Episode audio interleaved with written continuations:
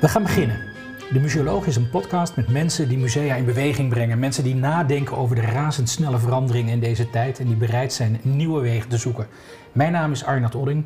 Deze maanden spreek ik met denkers en doeners, met curatoren, kunstenaars en onderzoekers over wat ze doen, wat ze belangrijk vinden en waarom. Vergeet niet op de abonneerknop te drukken om geen aflevering te missen.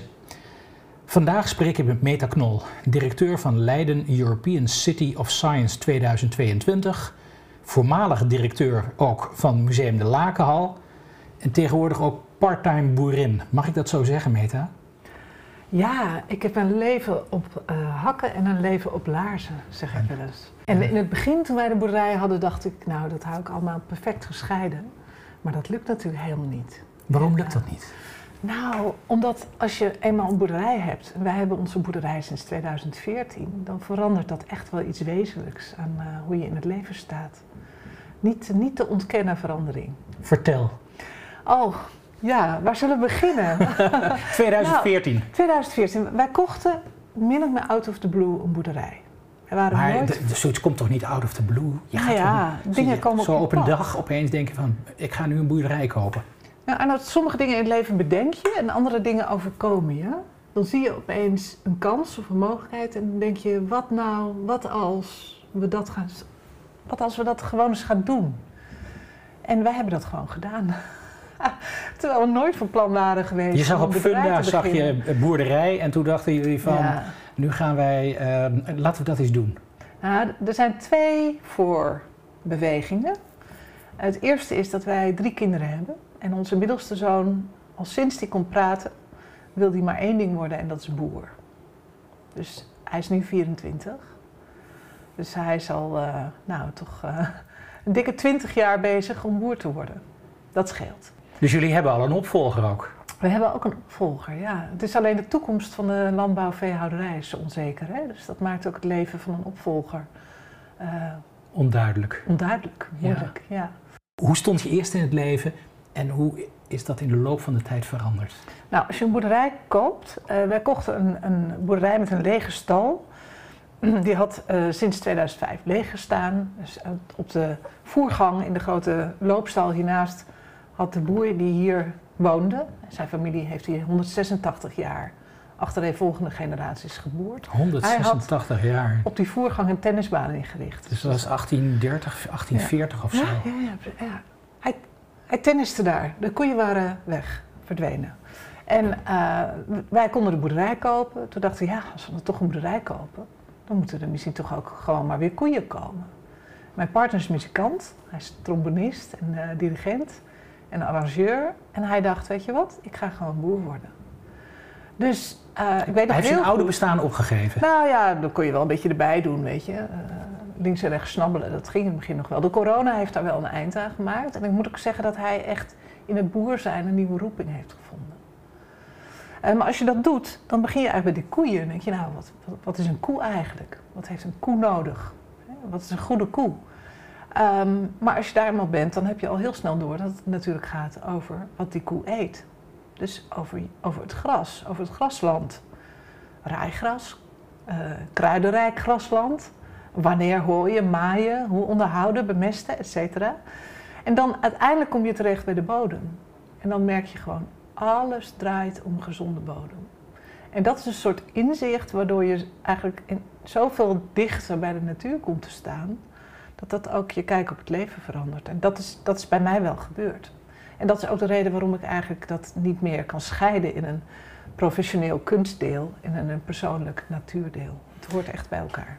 Maar hoe is dat nu op elkaar aan het inwerken? Uh, boer zijn is aard zijn, is bij de grond zijn, zoals je dat zegt. Hoe komen die twee dingen bij elkaar? Ja, op de eerste plaats boer zijn is ook onafhankelijk zijn. Het is ook een, uh, kiezen voor een bepaalde levensstijl die niet vanzelfsprekend is voor veel mensen. En dat is bij kunstenaars ook zo. Dus ik heb altijd al, voordat wij de boerderij kochten, een soort parallel gezien tussen boeren en kunstenaars. En je ziet ook dat in de, als je de geschiedenis een beetje terugtraceert, dat die elkaar best vaak weten te vinden. Vanuit die onafhankelijkheid, die dwarsheid, die eigenwijsheid, die passie ook. Ben je eigenwijzer geworden dus? Ik ben ook eigenwijzer geworden. Uh, dat wil zeggen, ik denk dat ik me meer uitspreek dan daarvoor.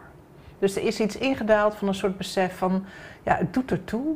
Uh, en dat engagement, dat moet je gebruiken, vertalen. Op een gegeven moment, misschien wel goed om te zeggen, um, had ik het wel moeilijk. Want ik las natuurlijk ook de krant en over wat er allemaal aan schort, wat misgaat op het gebied van biodiversiteit, klimaatverandering. Zeg maar onze uh, toch cynische verhoudingen eigenlijk met de natuur, zoals we die hebben ontwikkeld in de afgelopen 100, 200 jaar, decennia, sinds de verlichting misschien. Lang verhaal. Um, maar als ik de krant las, dan voelde ik me zo machteloos. Als een konijn die in de koplampen kijkt. Um, en Welke tijd heb je het nu over? Nou, dat is rond 2017, 2016, 2017. Toen je de boerderij al had? Ja, toen dacht ik, hier moet ik iets mee. Maar wat? Ik wist het niet. En toen, wat echt een, een heel uh, mooi kwartje was, dat bij mij viel, was dat ik het uh, werk van Wendell Berry ben gaan, ben gaan lezen. Het staat hierachter in de boekenkast. Het is ook heel mooi, zijn verzameld werk heet What I Stand On. Hij is geboren in de jaren 30 in Amerika. Hij was na de oorlog een succesvolle schrijver in New York. En op een gegeven moment besloot hij om dat leven aan de wilgen te hangen en de boerderij van zijn familie in Kentucky over te nemen. Hij werd vanaf dat moment boer en activist en schrijver. Hij heeft prachtige gedichten geschreven, essays. Hij heeft de Pulitzer Prize gewonnen. Zijn vrienden dachten, hij koopt een boerderij, nou zijn we hem kwijt als kunstenaar. Maar niets is minder waar. Hij heeft gewoon heel mooi en diepgaand uh, oeuvre ontwikkeld. En wat hij zegt is, als je iets wil veranderen, dan moet je eigenlijk beginnen. Er zijn er vier regels waar je aan kunt houden. Je moet beginnen met onverzadigbaar nieuwsgierig te zijn naar de plek waar jij bent. Niet zozeer de plek waar je niet bent, want daar heb je geen invloed op, maar de plek waar jij bent, daar kun je iets mee. Um, en als je daar meer over wil leren, dan is dat oneindig. Ik herinner me college kunstgeschiedenis waarbij je aan de hand van één voorwerp tien verhalen moest verzinnen. Omdat je alleen al met één museaal object gewoon nou, tientallen verschillende verhalen kunt vertellen dat is ook zo met de plek waar je bent, waar je leeft, waar je werkt, waar je gezin is, je vrienden, je collega's, je invloedssfeer. Um, het tweede is dat je daar dan kleine veranderingen aan moet brengen.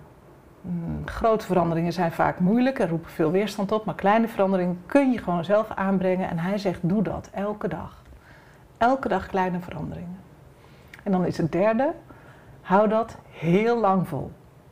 Gewoon blijven doen. En dan zul je zien dat over de loop door de loop van de tijd, zeg maar na tien jaar, dat je eigenlijk hele grote veranderingen hebt bewerkstelligd. Ik denk dat jij dat ook wel weet, Arnoud, ook als museumdirecteur. Dus je begint ergens. Op een gegeven moment kijk je terug en denk je, verrek, is dat allemaal gebeurd?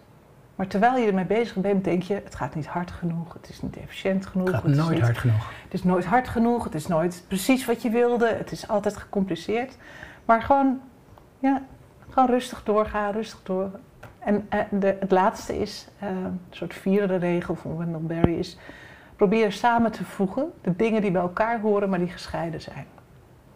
Hoe, hoe heb je dat vertaald hier um, naar de boerderij? Hè? We liepen net even voorafgaand aan deze opname, ja. liepen we even buiten en je vertelde me een klein beetje over um, ja, hoe jullie met het land hier bezig zijn. En ik vond het echt een prachtig verhaal over, over koeien, over ja. waterstand, over vogels. Vertel dat eens. Ja, nou, we hebben um, pachtgrond, 36 hectare agrarisch natuurbeheer. Uh, met een uh, verhoogde waterpeilstand, een uitgesteld maaibeleid. Uh, we gebruiken natuurlijk geen kunstmest, geen pesticiden, niets van dat alles. Eh, het is eigenlijk een kringloopmodel, want we rijden de ruige mest uit over het land die we hier in de winter mest. in de potstal verzamelen. Ja, ruige mest, heel erg is goed. dat anders dan voor, andere voor mest? insecten. Uh, ja, meestal mest. wordt de mest, uh, drijfmest ondergronds ja. geïnjecteerd. En dat, dat is echt heel uh, slecht voor het bodemleven. Um, en wij hebben een vergunning om het bovengronds uit te kunnen strooien. En daarnaast hebben we een potstal in de winter. en die ruige mest, zoals dat dan heet. Dat is gewoon een hele goede compost voor je land. Um, dus dat doen we dan. Um, en we hebben gezien dat er wordt nu vijf jaar lang ecologisch onderzoek gedaan dat de weidevogelstand bij ons met 40% is toegenomen. Dus dan heb ik het over, vorig jaar hadden we 25 gruttelparen. Uh, we hebben heel veel turenduurs, uh, ook heel veel kievieten. schoolexters natuurlijk, maar ook kemphanen. En de lepelaar die fourageert hier. Het is gewoon een heel rijk weidevogelgebied. En ik vond het gewoon heel mooi om te zien dat als je, als je de voorwaarden, de condities verandert, dat dan in vijf jaar tijd die weidevogelstand gewoon met 40% toeneemt. Het is echt niet zo moeilijk. Het kan gewoon. Het enige is, um, er zit geen verdienmodel in. Er zit geen verdienmodel in. En dat is de reden waarom niet alle boeren ehm, dit voorbeeld volgen. Ja, klopt. Want Nederland doet het in Europa net iets beter dan Roemenië als het aankomt op duurzame landbouw. We zitten rond, op de, rond de 3,8% van de Nederlandse boeren is duurzaam. Nederland kent een hoogtechnologische landbouw en veehouderij die om die reden ook wereldberoemd is. En ik denk echt oprecht dat veel boeren wel zien, die hebben ook kinderen, die houden van de natuur, uh, dat ze moeten omschakelen. Maar uh, economisch gezien is dat gewoon niet haalbaar in het huidige model. Wat moet er veranderen om dat wel haalbaar te maken? Weet ja, je dat? Ik denk dat boeren echt vergoeding moeten krijgen voor natuurbeheer. Want in feite, wij, wij hebben uitgesteld maaien. Dat betekent dat we tot 15 juli niets doen met ons land. Wij laten dat land met rust. Maar economisch is dat natuurlijk een drama. Ja, ja, ja. Kun je dat, kan helemaal niet. Dus krijgen? welke boer doet dat nu? En als je om wil schakelen van reguliere landbouwveehouderij naar biologisch, dan, dan die omschakeltijd, dat is ongeveer 5 tot 7 jaar. Uh, daarin leid je verlies. Maar die 3, 4 procent eh, van de boeren die wel biologisch boeren, zijn dat allemaal idealisten zonder verdienmodel? Nee, dat is niet zo. Uh, bij ons is het extra gecompliceerd, omdat wij natuurlijk, wij zijn gewoon instapboeren, zal ik maar zeggen. En we hadden geen melkrechten, geen fosfaatrechten. Dus wij kunnen onze koeien, uh, wij kunnen eigenlijk ons product niet goed verwaarden, omdat we niet kunnen melken. Dus wij verkopen het vlees. Um, en we hebben dit geaccepteerd als een manier van leven, maar niet als een manier om van te leven. En dat is eigenlijk wel jammer, dat zou natuurlijk anders moeten. En dat komt gewoon doordat de hele agrarische sector op slot zit. Ja, dat klopt. Er is ook geen enkel toekomstperspectief. Hè. De toekomst is per definitie onzeker voor alle boeren uh, in Nederland. En ik denk wel dat er goede oplossingen mogelijk zijn. Ik, ik, ik, blijf maar gewoon hopen dat het op een dag wel zo is. Wat, wat, wat, wat wel zo is, dat, dat slingert mijn denken dan ook in de algemene zin weer aan, is dat deze systeemcrisis uh, in de landbouw natuurlijk model staat voor een veel bredere uh, systeem. Eigenlijk een cascade aan een systeemcrisis in onze huidige samenleving. Waarin het economische model toch, toch heel dominant is. Uh, gericht op groei, beheersbaarheid, controleerbaarheid, beschikbaarheid, reproduceerbaarheid. Um, terwijl... die boeren die zijn natuurlijk ook allemaal decennia lang uh, zijn ja? die erop op gestimuleerd om efficiënter, grootschaliger, et cetera, ja. Maar niet alleen boeren, hè, de musea natuurlijk ook. Uh, groter, meer. En dat systeem moet veranderen. En dat is een van de meest moeilijke dingen die er is. Want systemen zijn er om dingen te optimaliseren, beter te maken, makkelijker te maken. En dat is nou net hetgene wat ja, maar een systeem is ook van een, het probleem is. Een systeem is ook een cultureel paradigma. En culturele paradigma's zijn altijd veranderd. En die zijn nu ook enorm in beweging en ja. aan het verschuiven. Dus ik denk dan, nou ja, een beetje vanuit die Wendell Berry filosofie, wat kan ik dan doen in mijn invloedssfeer of positie om dat te, te helpen aan te zwengelen? Ja. Heeft het boerenbestaan, heeft dat ook invloed gehad op um, dat gedeelte van de carrière dat je in de afgelopen twee jaar hebt meegemaakt? He, je bent directeur van uh, Leiden European City of Science. En um, daar heb je ook een hele bijzondere manier van samenwerken met mensen, heb je daar uh, ja. um, bedacht, zou ik bijna willen, uh, willen zeggen. Heeft dat ook een relatie met datgene wat je hier op de boerderij hebt meegemaakt? Okay, het leuke van zo'n boerderij is dat je komt allerlei soorten mensen tegen.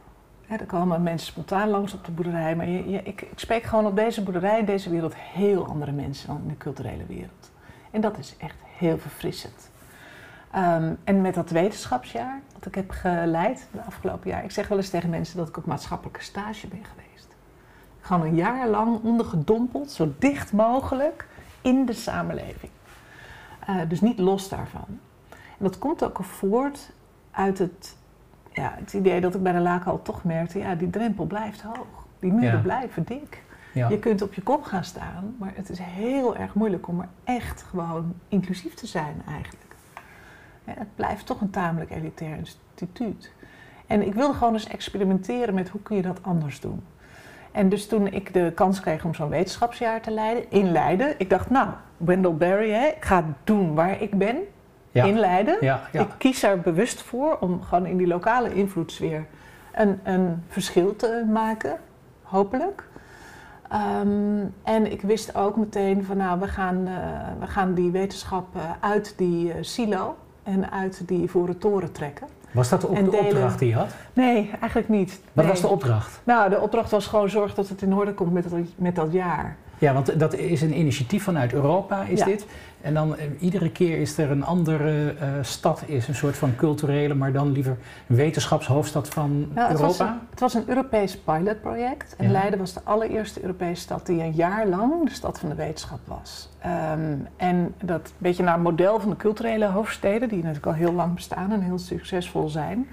Eh, maar zoiets bestaat voor de wetenschap niet. Maar ehm, ja, om, om- kijk, om het te illustreren, in ons jaar, voor de wetenschappers die meededen, waren er twee regels. De eerste was, je mag geen lezing geven. En de tweede was, je mag niet in je instituut blijven. En verder hebben we een model ontwikkeld waarbij eh, we elke dag een onderwerp hadden. Dat was aangedragen vanuit de gemeenschap. 365 verschillende dagonderwerpen.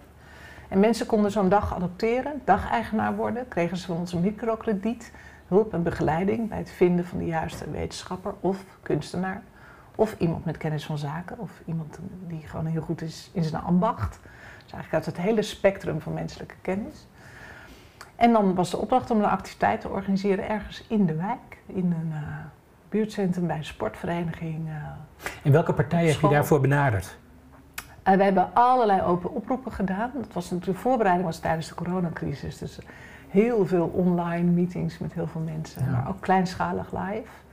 En uiteindelijk zijn er, eh, we konden pas, de, de lockdown werd opgeheven in februari.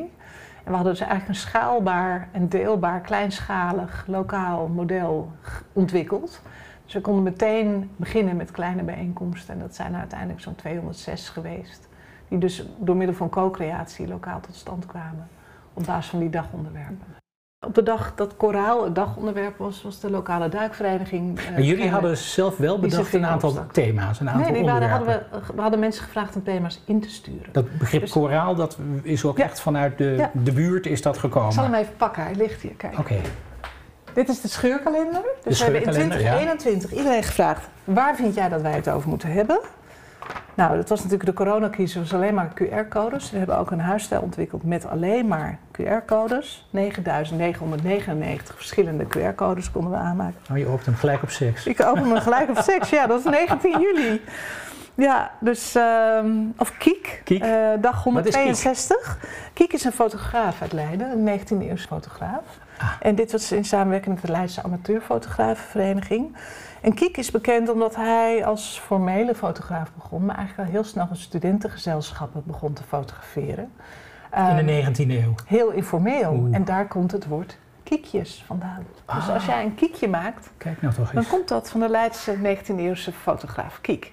Nou, Ja, geweldig. ja. Hey, en als je nou gaat kijken naar die, die honderden activiteiten die je hebt georganiseerd, noem er nou eens eentje die jou persoonlijk heel erg heeft geraakt. nou, wat ik heel mooi vond is... eh, kijk, sowieso voor mij, ik ben heel nieuwsgierig. Dus dat, als je zo'n wetenschapsjaar hebt... en de- die hele waaier van menselijke kennis... van de kwantumfysica tot en met de archeologie... wordt voor je neus opengetrokken. Dat is natuurlijk heel erg leuk, hè? Je spreekt allemaal mensen die vol vuur en passie en kennis en ervaring... met hun vak bezig zijn. En we hadden ook dag in april, ik weet niet meer, 7 april geloof ik, dat was Quantum. Dag van de Quantum. En Quantum heb ik echt ontdekt dit jaar. Nee, het is niet 7 april. Nou ja, supergeleiding was ook heel leuk trouwens. Nou, Quantum, wat doe je daarmee? Het buurtcomité in Vreewijk zei wij eh, doen Quantum, de Quantumdag. Eh, want zij hebben in hun, huis, in hun wijk een wit huis staan. Een huis dat beroemd en berucht is in de wijk, omdat Einstein daar viool heeft gespeeld. Hij kwam namelijk vaak logeren bij Ilja Erefest, zijn vriend. Wetenschappers, eh, aan het begin van de 20e eeuw, in die wijk. En zij hadden zoiets van, ja, we hebben eh, de klok wel horen luiden, maar we weten niet precies of de klepel hangt. En hetzelfde geldt eigenlijk voor daar snappen we ook niks van. Dus we dachten, wij doen Quantum. En die hebben een meet-up, een Quantum meet-up georganiseerd op straat voor het huis van Ilja Erefest. met uh, quantum poppenkast. dus een beetje zoals de achterwerk. Dus je kon in je hoofd in die poppenkast steken en dan mocht jij uitleggen wat jij dacht dat quantum was. Nou, dat was een hilarisch succes. Er werd in een caravan werd er kwantumsoep uitgedeeld. als metafoor voor het gegeven dat we allemaal toch uiteindelijk onderdeel Uit uitmaken. dezelfde soep zijn opgebouwd. Van die kwantumsoep. Of zoals Robert Dijkgraaf zo mooi zegt, we zijn allemaal uit sterrenstof gemaakt. En ondertussen uh, vonden er allerlei uh, speed uh, date colleges met wetenschappers plaats die vertelden over kwantum. En het was echt superleuk. En zij vertelde dat ze, er waren iets van 120 mensen of zo, dat ze eigenlijk nog nooit zo'n succesvolle activiteit hadden gehad. En het was informeel, het was voor heel veel mensen een kennismaking met, met, met kwantum, iets wat ze niet kenden. Ja, was gewoon super. En het was ook leuk omdat het aan het begin van het jaar gewoon een hele mooie activiteit was. Wat, wat is of was uh, het doel van de initiatiefnemers van dit uh, verhaal? Nou, ik denk dat uh, dat was dus een beetje een open opdracht. Dus ik kreeg gewoon de vraag van Meta, wil je dit doen? help ons, want wij hebben die opdracht vanuit Europa om dit jaar vorm te geven, maar eigenlijk moet alles nog gebeuren. En dat was in juli 2020. En toen ben ik dat gaan doen en toen heb ik al heel snel gezegd, het doel ik stel voor dat we het gaan hebben over wetenschap en samenleving. Dat dat het ultieme doel is, om die twee te verbinden. En dat willen we doen op zoveel mogelijk verschillende nieuwe manieren. We willen, we willen daar lekker mee experimenteren. Wel interessant om te zien dat het in de wetenschappelijke wereld eigenlijk niet echt begrepen werd. Um, terwijl uh, we uh, op het, zeg maar, het uitvoerende niveau supermooie, kleinschalige bijeenkomsten hadden. Maar in welke zin werd het niet begrepen? Nou, kijk, kunst en publiek horen bij elkaar. Uh, al sinds iemand voor het eerst op een trommel begon te slaan, was er publiek. Um, dat is vanzelfsprekendheid. Um, wetenschap is dat niet. Die hebben, wetenschappers hebben eeuwenlang in relatieve afzondering hun werk kunnen doen. En in deze tijd, waarin gevraagd wordt terecht om transparantie, om deelbaarheid, um, uh, om interactie, uh, kan dat niet meer. Die wetenschappers die moeten zichzelf dus opnieuw uitvinden in relatie tot het publieke domein. Um, en dat valt sommigen zwaar en anderen licht. Uh, maar het is wel echt een opdracht voor de wetenschap om, uh, om, om transparanter te worden en om, om, interactiever te worden. Om meer te delen, meer eigenlijk aan te sluiten bij deze tijd. publiek engagement met de wetenschap wordt het ook wel genoemd. En wat ik ook merkte is dat uh, met name op, op het niveau, op bestuurlijke niveau in de, in de wetenschap, uh, wordt natuurlijk beleden dat kunst uh, of dat wetenschap en samenleving bij elkaar horen en verbonden moeten worden. Um, maar het is ook al snel genoeg als het alleen maar voor de buren is. En dat wilden wij niet. We wilden nee. dat het echt zou gebeuren dat contact. Maar heeft dit ook te maken met het feit dat wetenschap ook steeds meer onder druk komt te staan? Ja, tuurlijk. We hebben het allemaal over fake news, ja, we hebben tuurlijk. het allemaal over wat is waar, wat is onwaar. Wij waren dat jaar aan het wat is nog ons, voorbereiden. geza- ge- ge- wat Ja. is nog ons gezamenlijke uh, waar we in kunnen geloven? Wat is het gezamenlijke waar we vertrouwen in kunnen hebben? Ja, nou sinds, sinds God uit Jorwits verdween, Ja, is het gezamenlijke waar wij in kunnen geloven, is natuurlijk allemaal heel erg relatief geworden. Maar het was in de voorbereiding van het jaar wel zo dat eh, Donald Trump in Amerika zei: I don't think science knows actually. Dus ook in die coronatijd eh, was dat natuurlijk het vertrouwen in de wetenschap een enorm issue. Overigens blijkt uit onderzoek van het Rathenau Instituut dat het vertrouwen in de wetenschap nog relatief hoog is. Ja. Veel, veel hoger dan in het bedrijfsleven bijvoorbeeld. En ook hoger dan in de rechtspraak, in de politiek of de overheid. Um, maar het is wel kwetsbaar, vertrouwen. maar kan dat ook zijn doordat de wetenschap misschien zich wat afstandelijk heeft gehouden juist van het maatschappelijk debat? Ja, En als ze zich nu in de komende tijd meer Ja, uh, op die maatschappij gaan richten, dat ze toch meer in de vuurlinie komen te staan? nou, ik had gisteren Bij nog een corona heel... zag je dat al. Ja, ja, ik had gisteren nog een heel gesprek met iemand en uh, toen uh, haalde ik in herinnering dat eigenlijk 10, 15 jaar geleden in de museale wereld nog heel gewoon was om te zeggen dat de musea objectief neutraal waren. Dat we inmiddels een paar postkoloniale debatten verder zijn en donders goed weten dat het helemaal niet zo is. Dat uh, de manier waarop de collecties bij elkaar zijn gebracht, de keuzes die je maakt in de programmering en je publieksbenadering heel erg veel zeggen uh, over je, je, je afzender, zeg Ja, maar. ja. Uh, maar in de wetenschap is dat nog steeds een beetje een taboe. Wetenschap moet toch steeds objectief neutraal zijn. Nou, maar wetenschap, En is zit ook een soort van niet? vooruitgangsgeloof in. Hè? De- als, als we met z'n allen, wetenschappers staan altijd op de schouders van andere wetenschappers. En uiteindelijk eh, is het toch een soort van dialectisch proces naar een, eh, een heilzame toekomst, is het, eh, is het bijna. Ja, dat is ook wel mooi van wetenschap, vind Ja. je niet? Ja. Ja, ja vind ik Ja. wel. Dus het, het, En de kunst is toch elke keer weer opnieuw afbreken datgene wat de mensen voor je hebben gedaan. Nou, kunst is, kunst is het creëren van ruimte voor disruptie, voor inlevingsvermogen, voor verbeeldingskracht, voor ervaring, eh, voor creativiteit. Wetenschap is eh, eh, wel degelijk ook een ruimte waar experiment en verbeeldingskracht nodig is om verder te komen. Maar waarbij het uiteindelijk toch draait om een soort bewijsbaar, beheersbaar, analytisch, modulair wereldbeeld. En eh, dat is wel degelijk iets anders. Ik vind het wel heel waardevol om zeg maar in, in die, op het kruisvlak van die drie be- werkzaam te zijn geweest nu. Hè? De Ja. cultuur, de wetenschap en de samenleving. Een jaar of drie geleden schreef je een opinieartikel voor eh, NRC over de verslaving van musea aan eh, blockbusters. Kun je nog eens kort vertellen wat nou eigenlijk je bezwaar was? Ja, mijn bezwaar was dat musea ook worden opgejaagd in de vaart der volkeren. Eh, om steeds maar weer meer bezoekers te trekken. Ehm, en je ziet dat nu bij de Vermeer tentoonstelling in het Rijksmuseum ook. Zo godvergeten veel mensen die naar één ding komen. Dus een economisch gedreven groeimodel leidt tot monocultuur. En monocultuur leidt tot verlies van diversiteit en tot verlies van diepgang. En ik vind eigenlijk dat musea juist diversiteit en diepgang moeten bewaken. Eh, en als je je tentoonstellingsprogramma ehm, richt op het trekken van zoveel mogelijk bezoekers, dan, verdwijnt eigenlijk die ruimte voor de kunst zelf. Die ruimte voor het onderzoek, die ruimte voor kwaliteit, ruimte voor de collectie. Ruimte voor ontmoeting. Ruimte voor ontmoeting, tijd sowieso. Hè? Dus, wat je, dus, dus eh, attention is the rarest and purest form of eh, curiosity. Ehm, is een hele mooie, mooie uitspraak. God, dan ben ik even kwijt wie het ook alweer zei. Dat is dom van mij. Maar goed.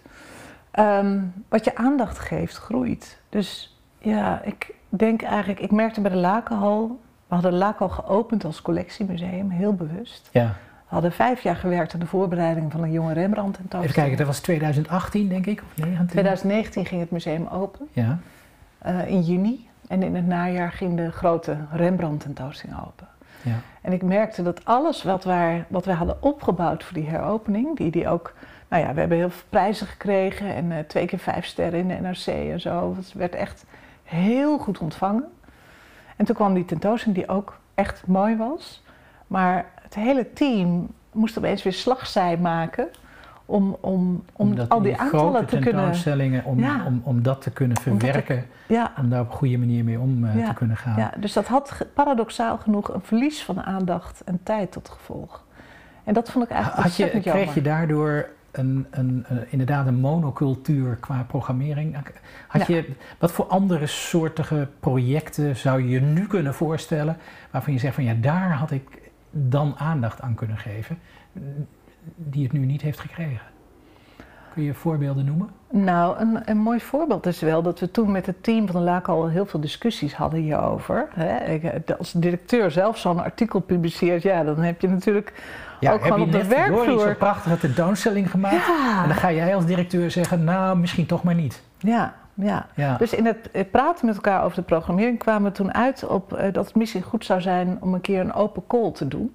Dus niet zelf te verzinnen waar wij het over zouden moeten hebben, maar ook dat, die vraag aan, de, eigenlijk aan, de- aan onze community te vragen. En dat is ook echt gebeurd. Toen was ik alweer met Leiden 2022 bezig. Maar komt daaruit Maar- wat je hoopt? Nou ja, ik, Want het is toch ook een vak, museummedewerker? nou, ik vond het wel een interessante tentoonstelling die eruit kwam. Het thema was groeiverslaving en iedereen mocht inzenden. Nou, dus, dus ja, vanuit alle hoeken en gaten kwamen voorstellen. Die zijn uiteindelijk door een jury zijn die beoordeeld. En dat was echt wel een interessante tentoonstelling waarop gek genoeg ook heel veel jonge mensen afkwamen. Dus ja, weet je, je moet toch ook zoeken. Je moet ruimte houden voor verandering en voor vernieuwing. Ik, ehm, ik ben nu veel aan het lezen eh, van Hartmut Rosa. Ja. Hij is een Duitse eh, socioloog, filosoof. En zijn belangrijkste boek heet Resonans. Dat gaat over resonantie. Uh, en hij zegt eigenlijk in een wereld waarin het heden steeds verder krimpt, omdat we zo efficiënt zijn, dat we niet meer weten hoe we alles gedaan moeten krijgen. En de enige oplossing daarvoor is nog efficiënter te worden. En uh, we verwachten van alles en iedereen dat het beheersbaar, voorspelbaar, oplosbaar, reproduceerbaar, beschikbaar is. Uh, een wereld waarin conditioneren belangrijker is dan leren. We worden geconditioneerd op dingen. En hij, zegt, hij stelt daar tegenover de ruimte voor resonantie. Dat is net als bij een snaarinstrument daar, of een piano zoals hier. Uh, daar heb je resonantie nodig. Een klankkast, letterlijk, moet je creëren om dat geluid te kunnen produceren. Um, en die klankkast die is uit ons leven verdwenen. Um, en hij zegt dus je moet ruimte maken voor resonantie. Dat betekent ruimte voor onvoorspelbaarheid. Ruimte voor onbeheersbaarheid. Ruimte voor oncontroleerbaarheid. Ruimte voor gevoel. Ruimte voor ervaring. Want leren gaat niet over conditioneren. Leren gaat over ervaren. Over levenservaring. Nou, en, en, en die ruimte, die pers je al heel snel uit een museum als je van een museum een tentoonstellingsmachine maakt. Hoe komt het dat dit soort discussies nu naar boven komen? Want het is volgens mij minder dan tien jaar geleden dat, um, dat, dat uh, de staatssecretaris nog musea wilde sluiten omdat ja. Um, ja, ze onvoldoende eigen inkomsten uh, haalden. Het is tien jaar geleden dat dat musea echt hevig onder druk staan. Ik kan mij in het Rijksmuseum Twente kan ik me herinneren dat we elk jaar weer opnieuw werden opgebeld door de krant. hoeveel bezoekers hebben jullie dit jaar gehaald? En als het er niet meer waren dan het jaar ervoor, dan had je toch een beetje gefaald. Hoe komt het dat opeens die verandering zo in de lucht hangt? Um, ja, ik denk dat het een soort dat je het kunt vergelijken en er zijn wel schrijvers en essayisten die dat heel mooi hebben beschreven. Um, als een soort myceliumnetwerk, wat, wat, zeg maar, wat onzichtbaar. Het zijn eerst een heleboel kleine veranderingen die onzichtbaar plaatsvinden. Uh, en op een gegeven moment groeit daar dan opeens een paddenstoel uit. En dan wordt het opeens zichtbaar en denk je, wat is daar nou gebeurd? Maar dat is natuurlijk die, dat gistingsproces, dat heeft al heel erg lang plaatsgevonden. En ik vind het wel uh, hoopvol, moet ik zeggen. Ik dacht zelf met de coronacrisis van, nou nu nu, dit is het point of no return, weet je, nu gaat het veranderen. En dan zeiden mensen tegen mij, nou Meta, dat is echt naïef, gaat echt niet gebeuren. Iedereen gaat terug naar business as usual. Maar ondergronds is dat gistingsproces wel degelijk doorgegaan. En je ziet nu echt wel heel duidelijk uh, dat er maatschappelijke weerstand ontstaat. En ook uh, maatschappelijk potentieel om, om daar om, om, ja, te zoeken naar nieuwe paradigma's.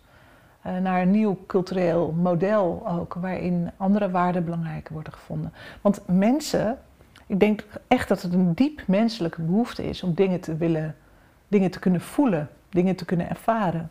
En die, die, ja, die levensruimte om dat te kunnen voelen en ervaren, die, die is eigenlijk maar heel, is heel, heel erg vernauwd in de afgelopen decennia. En musea kunnen echt plekken zijn waar mensen zeg maar, die registers weer open kunnen trekken. Wat is voor jou de aantrekkelijkheid van het museum? Wat ik heel mooi vind aan een museum is dat je dus in een ruimte terechtkomt waarin je voortdurend zelf mag kiezen. Um, dus um, als je een, een, zeg maar tracking zou maken van de keuzes die individuele bezoekers in musea maken, maken ze allemaal een ander parcours, blijven allemaal voor andere dingen staan en doen dat allemaal in hun eigen tempo. Sommigen doen dat heel snel, anderen doen het heel langzaam. Sommigen denken, ik moet alles zien. Anderen denken, nou, ik ga gewoon helemaal lekker op mijn gemak. Voor de sfeer. In een goede flow een paar dingen bekijken. Dus, dus het is een individueel keuzeproces. En dat brengt je in een ander soort state of mind. Uh, en dat vind ik heel mooi, dat je gewoon even in een ander soort tijd-ruimte terechtkomt. En um, ja, in een flow eigenlijk. Wat vind je op dit moment een van de meest inspirerende musea? Nou, ik denk wel, de musea die, in mijn, die ik steeds weer opgraaf in mijn herinnering, zeg maar, dat is bijvoorbeeld wel de Insel Hombroich Museum. Bij ja, Het, het museum maar, waar de kunst langzaam vergaat. Ja, in de natuur ook, hè? Ja. Uh, maar ik moet er ook bij zeggen dat het wel weer een tijdje geleden is dat ik daar geweest ben. Maar, maar daar heb ik wel hele dierbare herinneringen aan. Um, omdat het echt een verblijfsmuseum is, uh, waar je een, een tijdje bent, een, dag bijvoorbeeld. met heel weinig voorgeschreven regels. Ehm, en een hele mooie combinatie van die paviljoens met, met moderne kunst en etnografica zonder verder enige aanduiding daarbij. Dus je weet niet of je kijkt naar een Picasso of naar een West-Afrikaans beeld, bij wijze van spreken, wat, wat prima is. Ehm, en die, uh, die ruige natuur daaromheen. Wat ik ook wel heel mooi vind natuurlijk. Dus ja, joh, er zijn zoveel mooie musea. Ik bedoel, ik was afgelopen week in het Van Gogh Museum. Daar zag ik tentoonstelling over de laatste um, periode, de laatste twee maanden van Vincent van Gogh in Auvers-sur-Oise. En zijn laatste schilderijen. Ja, is Van Gogh, denk je, totaal uitgekoud. Prachtig, zo mooi. Zijn het vooral musea waar waar, waar onverwachte connecties worden gemaakt, waar verbindingen worden gelegd die misschien in het verleden minder werden gelegd. Als je, als je het hebt over Van Gogh met zijn uh, laatste jaren, laatste dagen, laatste weken, dan, dan heb je het over een hele duidelijk, hele intensieve periode heb je het, waarin hij misschien op de toppen van zijn kunnen ja. um, en op de meest intensieve manier uitdrukking geeft aan datgene waar hij uitdrukking aan wil geven. Ja. Is dat die verbinding tussen natuur, kunst, samenleving, maatschappij?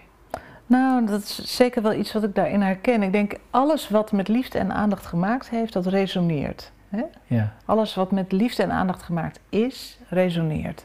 Dat geldt ook voor die tentoonstelling in het Van Gogh Museum. Dat kun je gewoon zien. En verder, wat, wat musea zijn ook ehm, uh, plekken die, die je vragen om een soort empathisch vermogen in jezelf wakker te kussen. Hè? Dus ik denk dat heel veel mensen die naar zo'n Van Gogh tentoonstelling gaan zich ook vereenzelvigen met die figuur van Van Gogh. En zijn laatste twee maanden zijn natuurlijk een soort van culminatie van alles. Ehm, van zijn geestelijke worsteling, maar ook van zijn kunstproductie. En hij vond heel veel troost in de natuur. Dus het zijn eh, het is een buitengebied, het is een dorpje ten westen van uh, Parijs, waar hij graag verbleef. En hij heeft daar die landschappen geschilderd, die korenvelden, maar ook, ook tuinen van mensen. En je ziet gewoon de intensiteit van, van, zijn, ja, van, van zijn waarneming van de natuur heel goed. Dus ook een prachtig landschap eh, in de regen. had ik nog nooit gezien. maar dat hing daar ook. En dan, ja, dan komt dat heel dichtbij. Dus ik denk wel, het proces van ruimte maken voor vereenzelviging. Ik moet zeggen, ik was bij die tentoonstelling ehm, tijdens een avondopening. Dus er was ook alle gelegenheid om heel goed te kijken. Ja, ja. En dat is natuurlijk, als je naar Vermeer gaat in het Rijksmuseum, heb je dan, dan, en je kunt goed kijken, dan is dat ook fantastisch.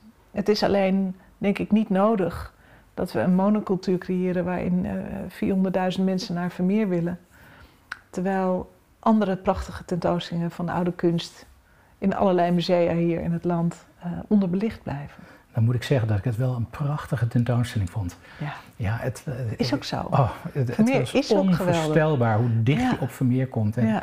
ik moet ook zeggen dat door die tentoonstelling heb ik nu het fenomeen Vermeer toch echt wel beter begrepen dan dat, het, uh, dan dat ik het eerder heb begrepen. Dus met alle kritiek die ik ook op zo'n tentoonstelling heb. Um, vond ik het ook wel een hele mooie onderneming. Ja, uh, tegelijkertijd bezwijken ze een beetje onder hun uh, marketingkwaliteiten.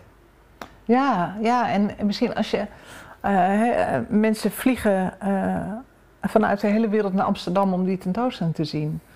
dat vind ik eigenlijk gewoon helemaal niet meer verantwoord in deze tijd.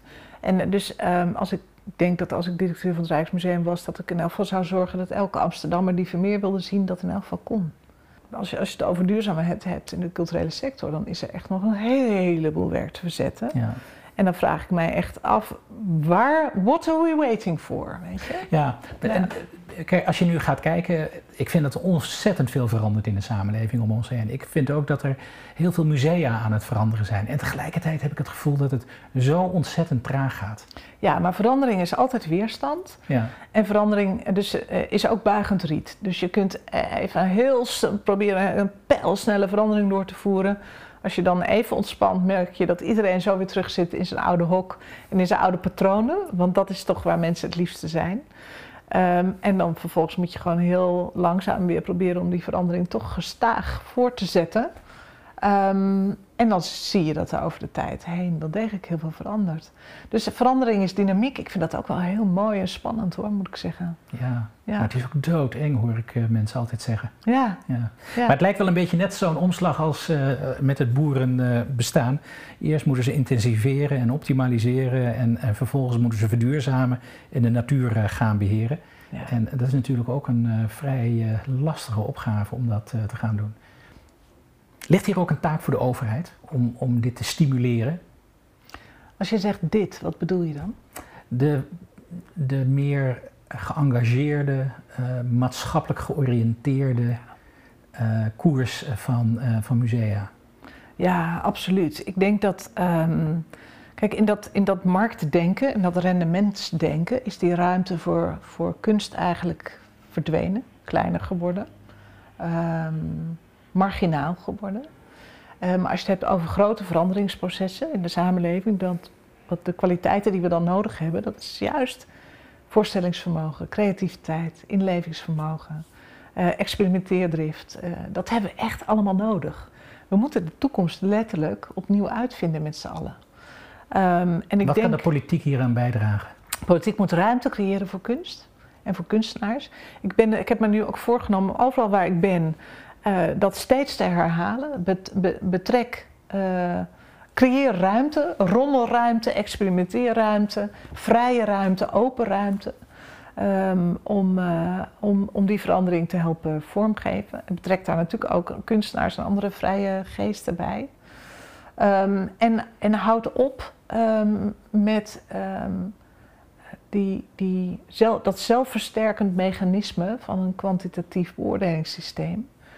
Um, en ga toe naar een beoordelingssysteem uh, wat uh, meer gebaseerd is op vertrouwen. Als je een eenvoudig systeem hebt met een bepaalde foutmarge, dan is dat waarschijnlijk goedkoper dan een complex systeem met heel veel controle, controle, controlemechanismen. Uh, om te proberen om een foutmarge van nul te behalen.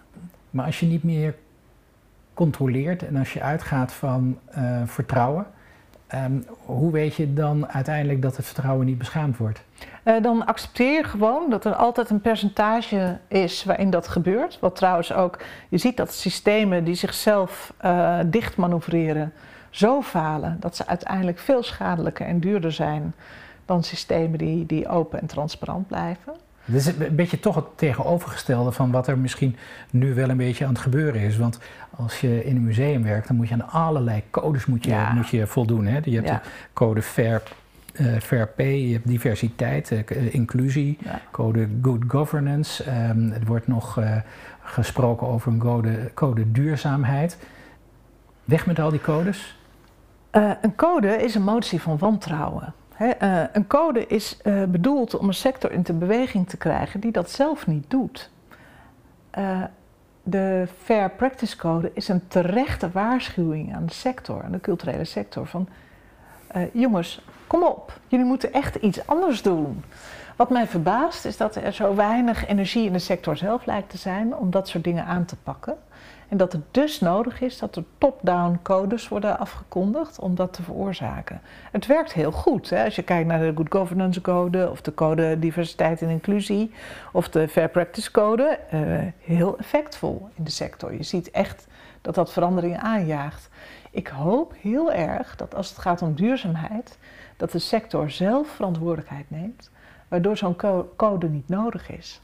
Want als, de, als, als wij dat met z'n allen doen, en er echt werk van maken. En niet alleen maar, zeg maar uh, nog iets meer afval scheiden of wat groener stroom inkopen. Maar echt inzetten op een duurzaamheidsbeleid. Uh, dan is zo'n code niet meer nodig. Hoe krijgen we die codes afgeschaft?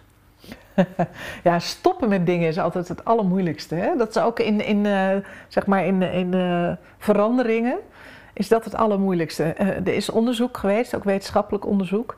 Um, heel eenvoudig opgezet, een opdracht met Lego-blokjes. Uh, is over gepubliceerd in uh, Nature. En de oplossing was dat je, iets, dat je dat, de opdracht kon voltooien door iets weg te halen. Maar degene die met die opdracht aan de slag gingen, voegde alleen maar dingen toe. En dat is, dat is ons mensen eigen. Als we een probleem zien, dan denken we aan een oplossing die we kunnen toevoegen. Maar we denken niet aan een oplossing waarbij we iets weg kunnen halen uit dat systeem. En je ziet het ook op het niveau van beschaving. Hè? Onze beschaving wordt ook alleen maar complexer. Die gaat straks nog aan de complexiteit en onder als we niet oppassen. Klinkt wel heel erg uh, onheilspellend als ik dit zo, uh, zo beluister. Ja, is ook zo. Ja. ja. ik zie dat ook. Je ziet het ook met die je ziet het met toeslagenaffaire, je ziet het met Groningse gas.